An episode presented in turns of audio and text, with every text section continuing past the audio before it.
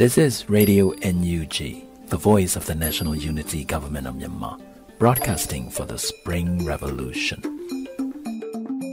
Radio NUG is transmitting from shortwave 16 meter 17.710 MHz daily at 8 a.m. and 25 meter 12 MHz at 8 p.m. Myanmar Standard Times.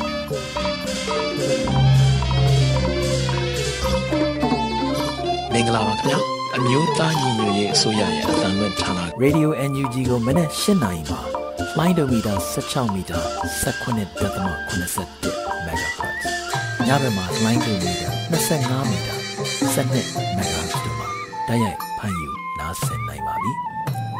မင်္ဂလာအပေါင်းနဲ့ပြည့်စုံကြပါစေခုချိန်ကစပြီး Radio NUG အစီအစဉ်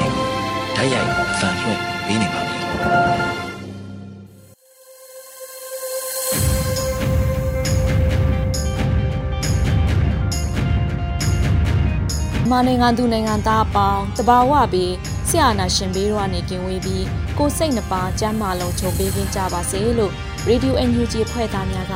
ဆုတောင်းမေတ္တာပို့သလိုက်ပါတယ်ရှင်။အခုချိန်ကစပြီး Radio NUG ရဲ့နေ့စဉ်သတင်းများကိုຫນွေဦးရွှေဝါနဲ့ຫນွေဦးမောင်ကတင်ဆက်ပေးသွားမှာဖြစ်ပါတယ်ရှင်။ အော်တိုဘာလ17ရက်နေ့ရပြည်တွင်းသတင်းတွေကိုတင်ဆက်ပေးပါမယ်။သတင်းကောင်းစီတွေကတော့ BGF စစ်သား တပ်ခံရမှုနဲ့ရွာနှစ်ရွာကို BGF ကတန်ငွေကျပ်300တန်ရိုက်ရှမ်းပြည်တောင်ပိုင်းပုံရင်းဒေသရှိရွာတွေမှာတရွာလုံးနှီးပါဖျားနာနေပြီးတည်ဆုံမှုတွေရှိနေမင်းတပ်မှာရှိတဲ့စစ်ရှောင်များလမ်းကြောင်းပိတ်ဆို့ခံရ၍စားနေရိတ်ကခက်ခဲဖြစ်နေပ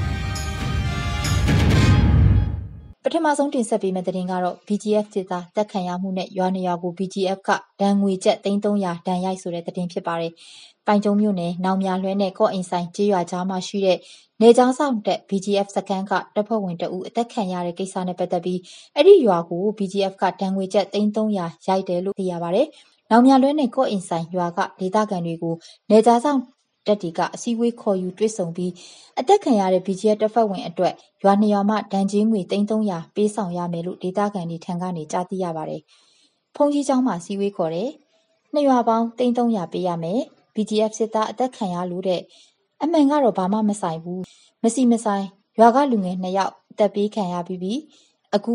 ရွာသားတွေအားလုံးလည်း ဒုက္ခရောက်ရပြန်ပြီ။ပိုက်ဆံက ရှာဖို့လွယ်တာ မဟုတ်ဘူးလေ။ရင်နာဖို့ကောင်းတယ်လို့ ဒေသခံတွေက ပြောကြပါတယ်။ အောက်တိုဘာ9ရက်နေ့ညပိုင်းက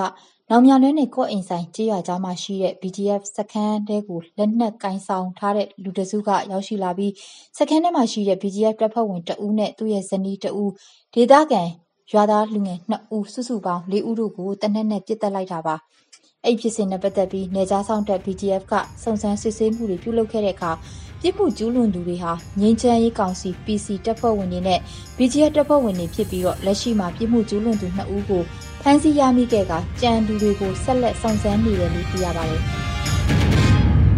ရှမ်းပြည်တောင်ပိုင်းစီဆိုင်မြို့နယ်ပုံအင်းဒေသမှာရှိတဲ့ရွာတွေမှာတရွာလုံးဒီပါဖျားနာအနှမ်းပြောင်းနေကြပြီးတေဆုံးသူ9ဦးရှိတယ်လို့ဒေသခံတွေစီကတဆင့်သိရပါတယ်။အိမ်နိုင်လို့လို့ပဲတအိမ်လုံးဖျားကြတာ အနံ့တွေလည်းပြောင်းနေကြတယ်။တခြားမျိုးတွေမှာ ဖြစ်နေတော့ကဒီဘက်မှာက အဲ့လောက် မဖြစ်တော့ လူတွေလည်း ပောဆကြတယ်။နှာခေါင်းစည်းတွေလည်း မတက်ကြဘူး။ပုံမှန်လိုပဲ သွာလာနေကြတာ အခုလည်း ဖျားပြီး အနံ့ပြောက်တာကို လက်မခံချင်ကြဘူးလို့ ပုံအင်းဒေတာမှာ နေထိုင်သူတဦးက ပြောပါတယ်။လက်ရှိအချိန်မှာ ပုံအင်း တကြော ကိုဗစ်ကူးစက်ခံရသူ ဘယ်လောက်ရှိနေပြီဆိုတာ အတိအကျ မသိရသေးပါ။ကျွန်တော်တို့အဖွဲ့တွေလည်းတစ်ဖွဲ့ပဲရှိတော့ ချက်ချင်းအကုန်လိုက်မစစ်နိုင်ဘူးလူအင်အားလည်းနည်းကျန်းမာရေးဆိုင်ရာစောင့်ရှောက်မဲ့ပစ္စည်းတွေကလည်းတိတ်မရှိဘူးကိုထူကိုထားနဲ့တက်နိုင်သလောက်လိုက်လုပ်ပေးနေကြရတာလိုက်မစစ်နိုင်သေးတော့ကုဆက်သူလူဦးရေအတိအကျမသိရသေးဘူးလို့ပရိုက်တာလူငယ်တဦးကပြောပြသွားတာပါစုစုပေါင်းတည်ဆုံးသူ9ဦးရှိခဲ့ပါတယ်လက်ရှိဖြစ်ပွားနေတဲ့ကြေးရွာတွေမှာကျန်းမာရေးစီးပေးကမ်းတွေလည်းမရှိဘူးလို့သိရပါတယ် စီဆိုင်မြို့နယ်အတွင်းတတိယ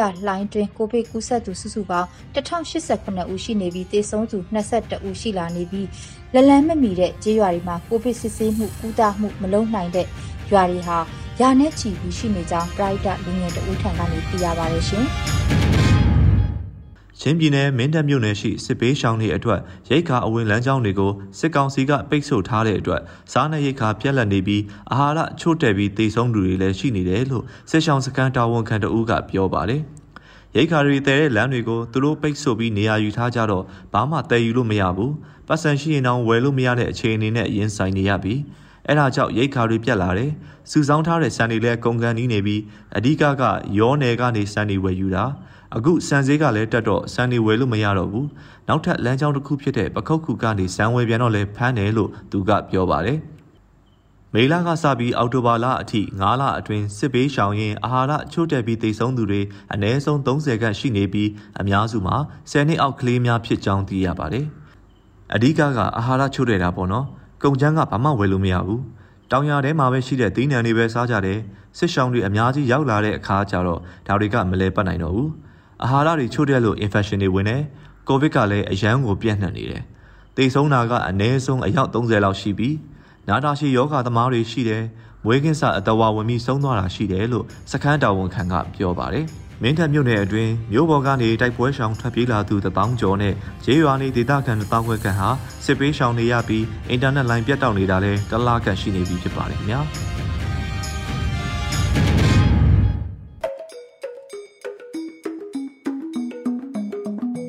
ဒီယို UNG မှဆက်လက်အတန်းလွှင့်နေပါတယ်။ယခုဆက်လက်ပြီးပြည်သူတိုက်ပွဲသတင်းများကိုကျော်နွယ်ဦးကတင်ဆက်ပေးမှာဖြစ်ပါတယ်ရှင်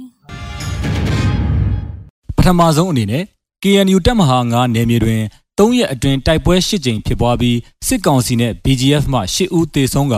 28ဦးဒဏ်ရာရတဲ့တဲ့တင်ကိုတင်ဆက်ပေးမှာပါ။ကရင်မျိုးသားအစည်းအရုံး KNU တပ်မဟာ9ထိန်းချုပ်ရာဖာပွန်ခရိုင်အတွင်း အော်တိုဘာလခွန်၈9ရက်နေ့များမှာအကြမ်းဖက်စစ်ကောင်စီလက်အောက်ခံ BGF တပ်နဲ့ကရင်အမျိုးသားလွတ်မြောက်ရေးတပ်မတော် KNL ကြားတိုက်ပွဲ၈ကြိမ်ဖြစ်ပွားခဲ့ပြီးစစ်ကောင်စီနဲ့လက်ပါစီကရင်နယ်ကြားဆောက်တပ်ဖက်မှတက်ခွဲမှုဒုတက်ခွဲမှုအပါအဝင်၈ဦးသေဆုံးက28ဦးဒဏ်ရာရကြောင်း KNU မူထရောခရိုင်မှသတင်းထုတ်ပြန်ခဲ့ပါတယ်။အော်တိုဘာလ9ရက်မှာဖာပွန်မူထရောခရိုင်ဒွယ်လိုးမြို့နယ်လေးခေါ်ထိကျေးရွာအုပ်စုအတွင်း KNL တပ်မဟာ9တပ်မဟာ9ပူးပေါင်းအဖွဲ့နဲ့စစ်ကောင်စီတပ်ကြားတိုက်ပွဲ6ကြိမ်ဖြစ်ပွားခဲ့ပြီးစစ်ကောင်စီဘက်မှတအူးသေဆုံးက9ဦးဒဏ်ရာရကြောင်းထုတ်ပြန်ချက်မှာဖော်ပြထားပါတယ်။အော်တိုဘာလ9ရက်မှာဒွယ်လိုးမြို့နယ်မထောကြီးရွာအုပ်စုထွီသီးဦးကြီးရွာနဲ့တောင်သုံးလုံးကြီးရွာနီးမှာတစ်ကြိမ်မိုင်းတိုင်း40နဲ့ဘောချိုထာကြီးရွာကြားမှာတစ်ကြိမ်တိုက်ပွဲများဖြစ်ပွားခဲ့ပြီးအဆိုပါတိုက်ပွဲနှစ်ကြိမ်တွင်စစ်ကောင်စီနဲ့လက်ပါစီ BGF ဘက်မှ9ဦးသေဆုံးက 20ဦးခန့်ဒဏ်ရာရကြောင်း KNU မူထရောသတင်းစင်မှထုတ်ပြန်ထားပါတယ်။ဆက်လက်တင်ဆက်မှာကတော့ပဲခူးတိုင်းဇီးကုန်းမြို့လုံခြုံရေးဂိတ်လက်ပစ်ဘုံဖြင့်တိုက်ခိုက်ခံရပြီးရဲနှဦးတေဆုံးက2ဦးဒဏ်ရာရခဲ့တဲ့သတင်းပါ။ပဲခူးတိုင်းဇီးကုန်းမြို့နယ်လုံခြုံရေးဂိတ်ကိုအော်တိုဘာလ10ရက်နေ့ည7:00နာရီကျော်အချိန်မှာလက်ပစ်ဘုံနဲ့ပစ်ခတ်တိုက်ခိုက်ခံရပြီးရဲနှဦးတေဆုံးက2ဦးဒဏ်ရာရရှိကြောင်းဒေသခံများနဲ့ဒေသသတင်းရင်းမြစ်ထံမှသိရှိရပါတယ်။ အော်တိုဘာလ10ရက်နေ့ည7:00နာရီကျော်မှာဇီးကုန်းမြို့နယ်လုံခြုံရေးဂိတ်ကိုလက်ပစ်ဘုံဖြင့်ပစ်ခတ်တိုက်ခိုက်ခြင်းဖြစ်ပြီးဘုံပေါက်ကွဲမှုကြောင့်ရဲတပ်သားတကြံအောင်ဟာပွဲချင်းပြီးတေဆုံးကရဲတပ်သားဝင်းမော်ဦးဟာရရှိတဲ့ဒဏ်ရာကြောင့်ယနေ့နက်နက်ပိုင်းမှာတေဆုံးသွားပါတယ်။ရဲဒုတက်ချက်ပြေဆုံးအောင်နဲ့ရဲတပ်သားဇေယျဖြိုးတို့မှာဒဏ်ရာရရှိပြီးစေယုံတင်ကုသနေရကြောင်းလဲဒေတာသတင်းရင်းမြစ်ထံမှသိရှိရပါတယ်။ဆက်လက်ပြီးစစ်ကောင်စီတပ်ဖွဲ့များကို PPDF ကနှစ်ကြိမ်မိုင်းဆွဲတိုက်ခိုက်ခဲ့ပြီးစစ်ကောင်စီတပ်တွေထိခိုက်ကြဆုံးခဲ့တဲ့တဲ့တင်ကိုတင်ဆက်ပေးမှာပါ။စကိုင်းတိုင်းပလဲမြို့နယ်ကိုလောင်းမြိုင်ကွေအနီးမှာစိုက်ကယ်စီးနင်းလာတဲ့စစ်ကောင်စီတပ်ဖွဲ့ဝင်များကိုယနေ့အောက်တိုဘာလ10ရက်နနက်9နာရီခန့်မှာ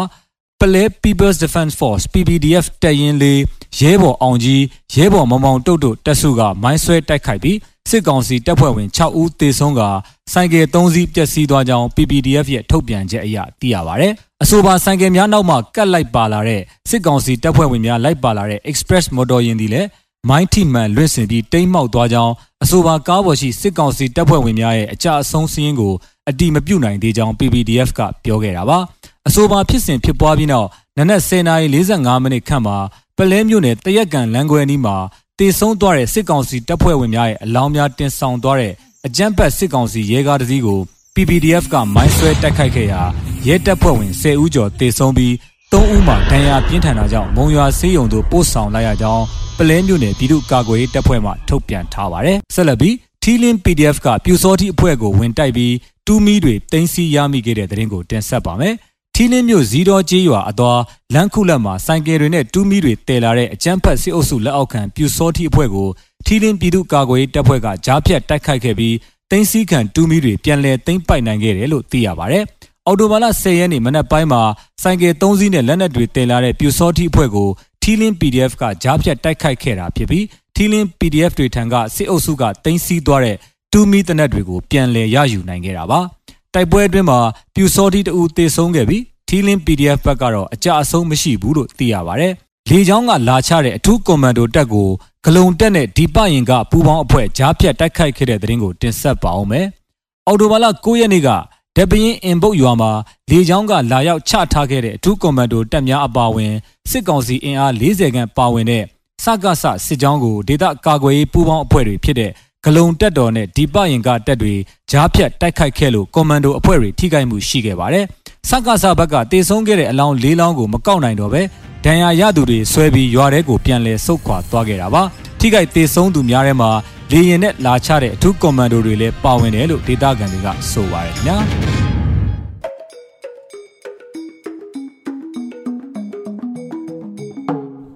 ဆက်လက်ပြီး Radio UNG ရဲ့တော်လိုင်းရေးတီဂီတာစီစဉ်မှာအချိုတီဆိုထားတဲ့ Power to the People ဆိုတဲ့တခြင်းကိုတင်ဆက်ပေးသွားမှာဖြစ်ပါရဲ့ရှင်။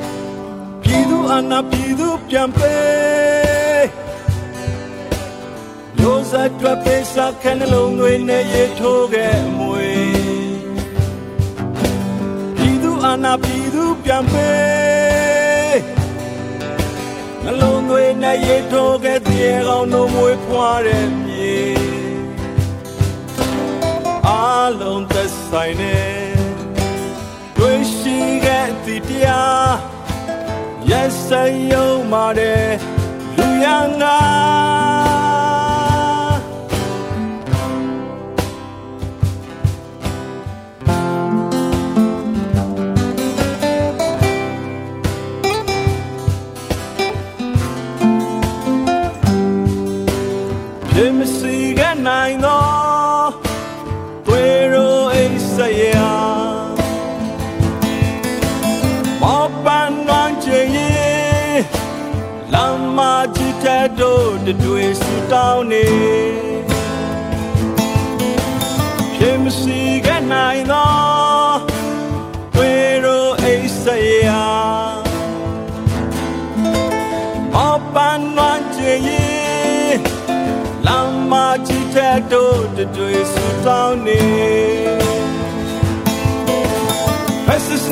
န်းလန်ကြ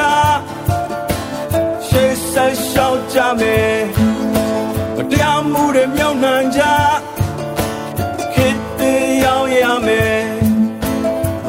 မြတ်တမှုတွေစမ်းကျင်ကြရှေ့ဆက်လျှောက်ကြမယ်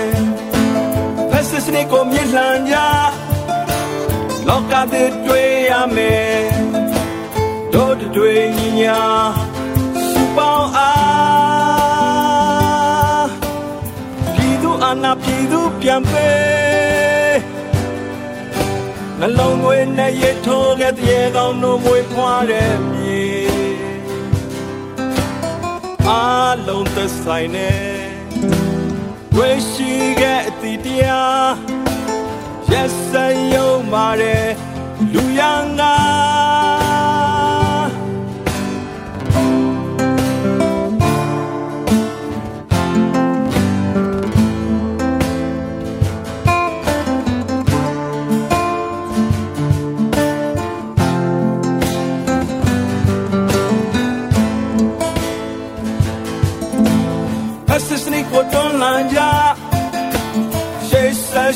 ရှောက်ကြမယ်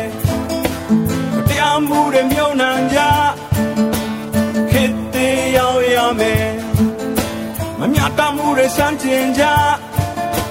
ရှေ့ဆက်ရှောက်ကြမယ် Assistant ကိုမြစ်လန်ကြလောကပြည့်တွေ့ရမယ်တို့တွေညီညာစူပေါင်းအား နာပြည်သူပြန်ပေး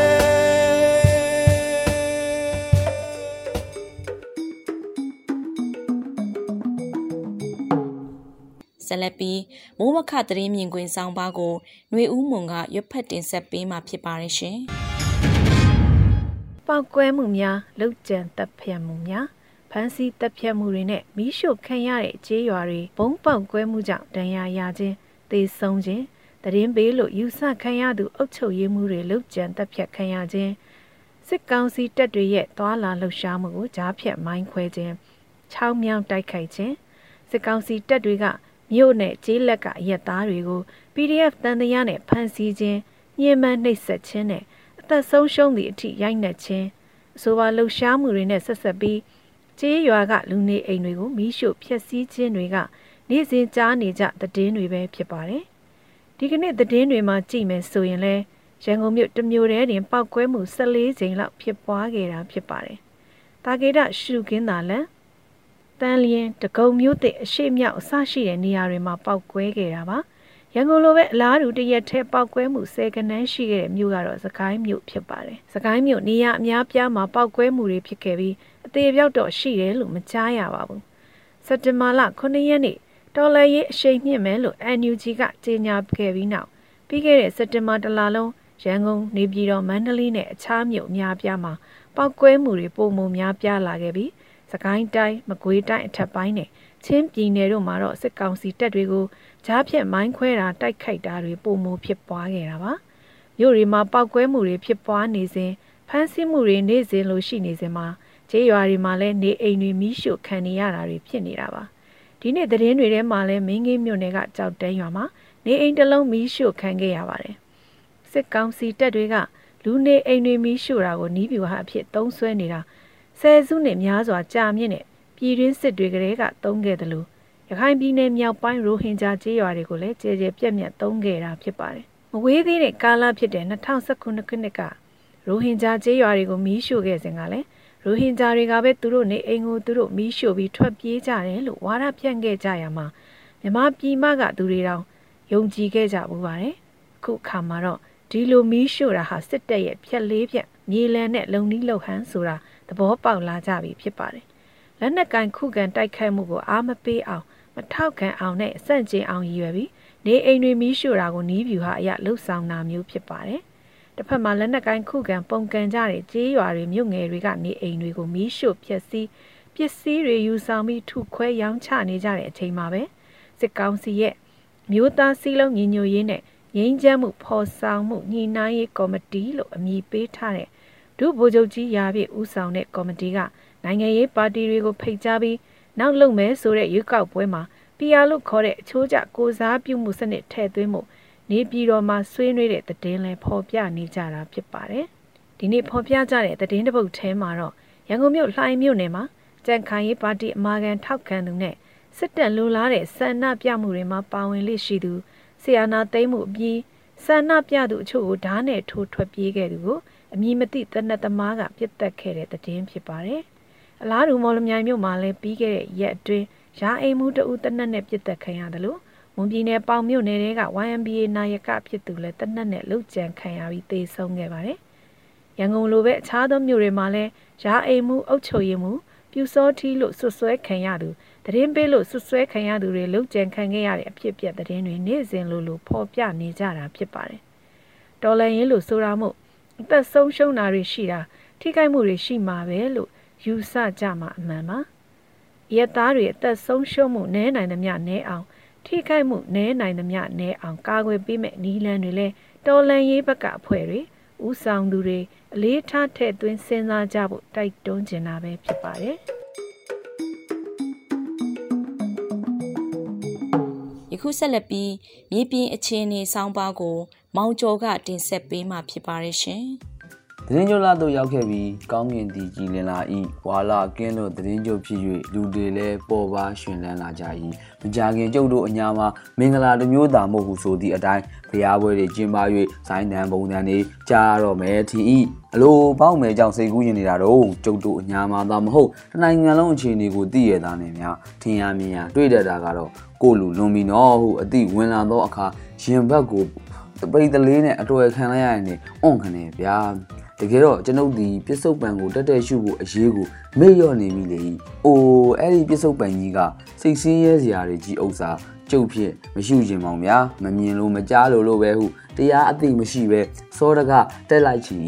ခတ်တာကတကယ်အရှိတရားကိုမကြည့်ပဲနေ၍မရမမြင်ချင်းအောင်ဆောင်နေ၍ပဲမရထိုအခါ စိတ်ညစ်စရာတွေဒေါသဖြစ်စရာတွေကကျွန်ုပ်စီတို့တရဟောပြုံဩဝင်လာကြသည်ကိုသက်ရွယ်ကလည်းတက်ထောင်ပေါင်းနေလို့ဖို့နေနေသလားကိုကိုကိုတော့အနိုင်နိုင်တို့မုံကြောင့်တရှူရှူဖြင့်နှာမုံရင်ငွေနိုးတွေငွေနိုးတွေဟုနန်းစတော့ကျိန်စဲသမှုပြုမိပါတော့လေဤမြစ်တာလွမ်းချုံခြင်းမှာတော့လဲကိုပါဇက်ကအစဲပရိသားတွေကြီးထွက်လာသမှုလဲခွာကြလာပြီကလားကျွန်ုပ်ဒီနေ့စဉ်နေ့တိုင်း Facebook ကိုသုံး၏။ Facebook ဖြင့်အိယာထား၍ Facebook ဖြင့်အိယာဝင်၏တရားမရှိ၍မဟုတ်ပါကိုဘဝတက်တန်းတစ်လျှောက်လုံးတရွာလုံးမှာ ရေဒီယိုတစ်လုံးမှမရှိလျှက်စင်မီဆိုတာကဝေလာဝေးမောင်ပမာစပိန်မဲပေါက်သူကိုအားကြခဲ့ရသောခစ်ကိုနှစ်ပေါင်းများစွာဖျက်ဆီးလာခဲ့ရ၍အခုလိုပွင့်လင်းမြင်သာဆက်တော်ရေးစနစ်အားကောင်းလာတဲ့အချိန်ကုံလွန်ခဲ့ရသည့်အချိန်တွေအတွက်အတိုးချသုံးဆွဲနေရခြင်းမှာဟုစင်ကျင်ပေးလိုက်ရလေ၏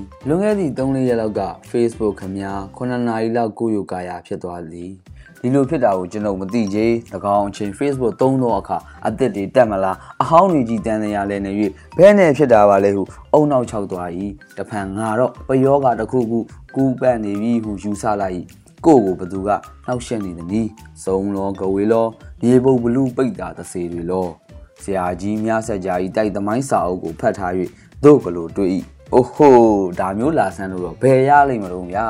လူကနေတော့လေပညာကမနေသင်စရာမြင်စရာကြားစရာတို့ထံစီးပူးထားလို့ Facebook သင်ပုံးကြီးကို credit နဲ့အောင်မြင်ထွန်းပေါက်ထားတာပညာမာနနဲ့ Facebook မှာအသက်တွေထောက်စက်ကာစက်ကာစူးစမ်း၏မနက်9နာရီလောက်မှာအောင်မြင်သွားလို့တဲဟုတ်တဲ့ငါပါလားဟုကိုကိုကိုအမှတ်တိုးပေးမိလိုက်၏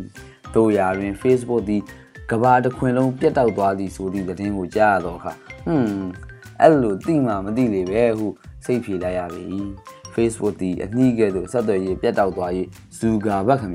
9.9ဘီလီယံဆုံးရှုံးသွားသည်ဟုဆို၏သတင်းဌာနတစ်ခုကတော့6ဘီလီယံအခြားသတင်းဌာနတစ်ခုက9ဘီလီယံကျန်တဲ့သတင်းဌာနတစ်ခုက9.5ဘီလီယံဆုံးရှုံးသွားတယ်လို့ဖော်ပြကြတယ်ဒီဘယ်သတင်းဌာနကအမှန်လဲဟုကျွန်တော်မသိချင်းကျွန်ုပ်ဒီရင်းတို့ဆုံးရှုံးမှုအတွက်ဇူဂါဘတ်ကိုလွန်စွာသနာသွားလေ၏ ခွက်ပြောင်မိအရေးကိုမတွေ့သင်းမောမောင်းမဲ့သူအတွက်မစီမဆိုင်တွေးပူခြင်းသာဖြစ်၍ဗမာလူမျိုးပြီးသားလာ၏ထို့အပြင်တဝအဲ့ဒီဆုံးရှုံးရသည့်ငွေတဝက်လောက်ငါတို့နိုင်ငံထဲရောက်နေကောင်းနေစွာဟုမအူမလဲစိတ်ကူးညံလိုက်မိပြန်၏ခုနှစ်နာရီလောက်ပြတ်တော့သွားရုံဖြင့်ပတ်စံတွေအဲ့တလောက်ဆုံးရှုံးသွားတဲ့လားကျွန်ုပ်မိတို့ဥမနားမလဲကြီးသို့တော်လဲကဘာတခွင်မှာဖြင့်အရေးကြီးဆုံးကပတ်စံမှာကလားဟုအတိတရားရခဲ့၏အာနာရဲ့ပတ်စံရဲ့ ဒီနှစ်ခုကပူးတွဲနေတယ်အပြန်အလှန်အကျိုးပြုနေကြ၏သူတို့အားကောင်းလာသောအခါအမှန်တရားသည်မြုပ်ွယ်နေသည်ကောမနေ့ကလေဒီကိုမင်္ဂလာမန္တလေးကအိုးရှင်းသို့လိုက်ပို့ရတယ်ဈေးဝယ်သွားသည်မို့ဘိုးလိုပြောလျင်တော့ shopping ပေါ့ဗျာလို့ပေမဲ့အထင်မကြီးတိုင်းနဲ့ဟုတ်အိုးရှင်းသို့ဈေးဝယ်သွားခြင်းကဤတို့ဒီမြို့တစ်ဈေးတွေကိုတိုးဝေပတ်စံကပန်းလိုက်ခံလိုက်ရတယ်ကပိုင်းနိုင်တွေကအုပ်စုလိုက်လာကြတာလို့ဆိုရယ် ဈေးတယ်တွေကဒင်းတို့ကိုတီးတော့လဲမိသူမှမပြောရကြကိုဖြစ်ကိုခန်းယုံသာဒီတော့ဈေးကြီးတော့လဲအိုးရှင်းသူမြင်ရ၏မဟုတ်သေးဘူးနော်အိုးရှင်းလဲအလုံးစုံတော့ဈေးကြီးတာမဟုတ်ပါဘူးလေချောင်းရိုးကြက်ချောက်တွေပါတဲ့အထုပ်တစ်ထုပ်ကိုတစ်ထောင်ပဲပေးရတယ်အပြင်မှာဒီဈေးနဲ့မရထို့ကြောင့်လေဒီဒီရတနာတိုက်တွေ့သည့်အနေအိုးရှင်းသူဈေးဝယ်ထွက်ခြင်းဖြစ်၏ကျွန်ုပ်လည်းကြက်ချောက်စုပ်ပြုတ်ဖြင့်နေတိုင်းပွဲတော်တည်နေရလေ၏ ဒီတိုင်းဆိုရင်ကယ်လ်ဆီယမ်ဓာတ်တွေခန္ဓာကိုယ်ထဲကနေရှန်ထွက်တော့မယ်ထင်တယ်လေဒီဒီအင်ရှင်မတို့ထုံးစံဈေးကပြန်လာတိုင်းကုန်ပစ္စည်းတွေဈေးတက်ကြောင်းကိုပြောကညင်းညူလေးရှိသမျှထို့ကြောင့်သူ့ကိုဈေးလိုက်ဖို့ရင်ဒေါ်လာဈေးရွှေဈေးလောင်စာဆီဈေးတွေတက်နေ၍ကုန်ဈေးနှုန်းတွေတက်နေကြောင်းအကျိုးတင်ပြောပြီးညီးနံမထွက်အောင်ကာကွယ်ထားရသေးတယ်ထိုအခါသူကကြက်ရိုးတွေအရင်ကဈေးနဲ့ရပါအောင်မလားဟုဆိုလိုက်တဲ့မှုခေါင်းကုန်မိတယ်နောက်တနေ့မနက် ကြက်ချိုးဟင်းညူရှောင်းမလွဲဖြစ်မှာတော့တေကြနေပြီထို့အတွက်မကြီးဝွန်မှာဒေဒီကလည်းခေသူမဟုတ်တော်ကကြက်ရိုးဟင်းကလေးစားနေရတာပဲကံကောင်းနေမှာပါ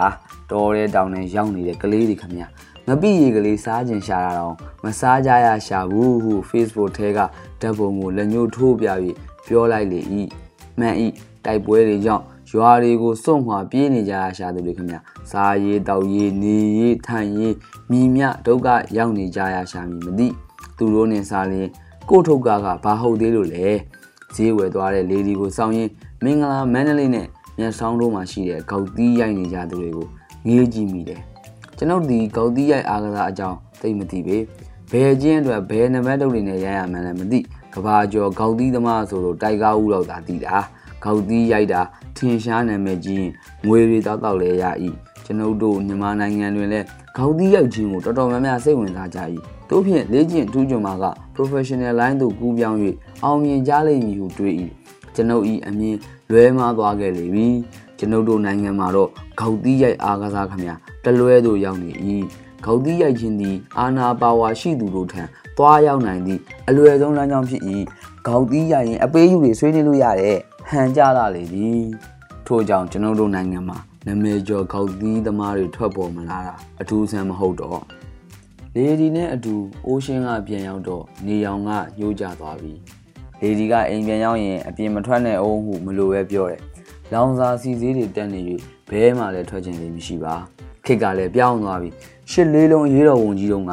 သုံးမြောက်လောက်အကွာအဝေးစီကတနတ်တန်ကြားလိုက်ရသည်နဲ့ကျွန်ုပ်တို့ခမအိမ်တကားတွေပိတ်ပြီး ငြိမ်ကုန်နေကြရတာအခုတော့မဟုတ်ပါဘူးပြက်တန်ခတ်တဲ့နေကြလဲအသွားအလာမပြက်ဒီနေရာကိုမလာနဲ့လို့တားထားရင်လဲချားနေရာကသွားမှာပေါ့ဆရာရဲ့ဟုတပည့်ကျော်တယောက်ကပြောဘူးတယ်နေရာအနှက်တိုက်ပွဲတွေဖြစ်နေတာစစ်ပွဲကြောင့်ပြေးတဲ့သူတွေကလည်းပြေးနေကြရတယ်လူတွေလည်းဝမ်းရည်အတွက်လမ်းပေါ်မှာသွားလာလှုပ်ရှားနေရတယ်ခေါင်းသီးရိုက်သူကလည်းရိုက်နေတယ်ဤကကျွန်ုပ်သိတော့မြေပြင်အနေအထားဖြစ်သည် မြေပြင်အနေအထားသည်ပြည်သူလူထု၏အနေအထားဖြစ်သည်တကယ်တော့ကျွန်တော်သိရသောအနေထားကျွန်တော်ကျင်လည်ရသောပတ်ဝန်းကျင်လေးတွေကနေရာကွက်ကွက်လေးသာဖြစ်တယ်ရွှေဈေးနဲ့ဒေါ်လာဈေးအနည်းငယ်ပြန်ကျတော့လေလောင်စာစီဈေးကမကျကမ္ဘာရေနံဈေးတက်နေ၍ဈေးကြဖို့ကလည်းမမြင်လောင်စာစီဈေးတွေလှိမ့်တက်နေတာကဘာဖြစ်လာနိုင်တယ်လဲဟုမေးလာဟဲ့ ကျွန်ုပ်လည်းမသိပေကျွန်ုပ်ဤအသက်အရွယ်ကအနာဂတ်ကိုလှမ်းမြော်ခြင်းထက်အတိတ်ကိုပြန်လည်သတိရစေခြင်းကိုသာအားပေးနေ၏ဒီမှာပဲငငယ်တုန်းကသတင်းကြွရွာပွဲမှာဇက်ကကြတာကိုပြန်လည်သတိရသွားတယ်။တရွာလုံးကကို့ဆွေကိုမျိုးတွေကြီးပဲဇက်စင်ပေါ်တက်ပြီးတရုပ်ဆောင်နေတဲ့သူတွေရောပွဲကြီးပိတ်တဲ့ရောကို့အရက်နဲ့ကို့ဇက်ဖြစ်၍လက်ခုပ်ဩဘာသန်တွေကပွက်ပွက်ကိုညမ်းနေတာပဲ။နှစ်ပါးသွားမှလေးလေးအောင်ကမင်းသားဆိုလိုက်ကလိုက်တာသူဆိုတဲ့တချင်းက အဲ့ဒီတုန်းကဇမင်းသားကြီးဦးအောင်ကြီးရဲ့နာမည်ကျော်တချင်းတိုင်းပြည်မြို့တာယာဘေးသည်စုပန်စရာကိုအောင်ငင်းကကြော်ကြားခဲ့သည်တဲ့အဲ့ဒီချင်းလေးကျွန်တော်ရှင်တွေကိုဆွဲနေသေးပဲထို့လူဇဘိုးလေးကလည်းရှိနေသေးဗျာဒါဟာကြောင့်တချီတမောင်းလောက်ကပြလိုက်ခြင်းစမ်းမှပြီလေသို့တော်လဲအသက်အရွယ်ကလည်းကြီးပြီရွာမှာလည်းသတင်းကြုတ်ပွဲတွေလည်းမစင်နှမ်းနိုင်ကြတော့ပြီမဟုတ်လားဆိုလိုတာကမြေပြင်အခြေအနေကကိုယ့်ဘက်မှာမရှိတော့ဒါဖြင့် လက်လျှော့လိုက်ရမှာလားနိုးနိုးဒီလောက်နဲ့တော့မမှုပါဘူးမကနိုင်တော့လဲတချင်းဆုံနိုင်ပါသေးတယ်ရင်းသမိုးကြောင့်လေဒီမသိအောင်ရေချိုးကန်းနဲ့သွားပြီးတော့အပြက်ဟဲလိုက်ရပါတော့သည်တိုင်းပြည်မြို့သားယာဘေးသည်စုပန်ထရာကိုအောင်ငိမ့်ကကြော်ကြားခဲ့သည်သူနဲ့တန်းနဲ့သူနဲ့တန်းနဲ့ပြောင်းဒီကနေ့တော့ဒီညနဲ့ပဲ Radio NUG အစီအစဉ်လေးကိုကိတ္တရန်နာလိုက်ပါမယ် မြမစံတော်ချိန်မနေ့၈နာရီညနေ၈နာရီတို့မှာပြန်လည်တွေ့ဆုံကြပါစို့ Radio NUG ကိုမနက်၈နာရီမှာ flight meter 16 meter 19.87 MHz ညဘက်မှာ flight meter 25 meter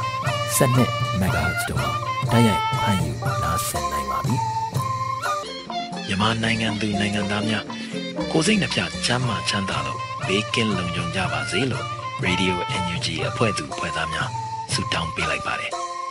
အမျိုးသားညီညွတ်ရေးအစိုးရရဲ့ဆက်သွယ်ရေးသတင်းအချက်အလက်နဲ့ဤပညာဝန်ကြီးဌာနကထုတ်လွှင့်နေတဲ့ Radio NUG ဖြစ်ပါတယ် San Francisco Bay Area ခြေဆိုင်မြန်မာမိသားစုများနဲ့နိုင်ငံတကာကစေတနာရှင်များလုံအားပေးများရဲ့ Radio NUG ဖြစ်ပါတယ်အရေးတော်ပုံအောင်ရမည်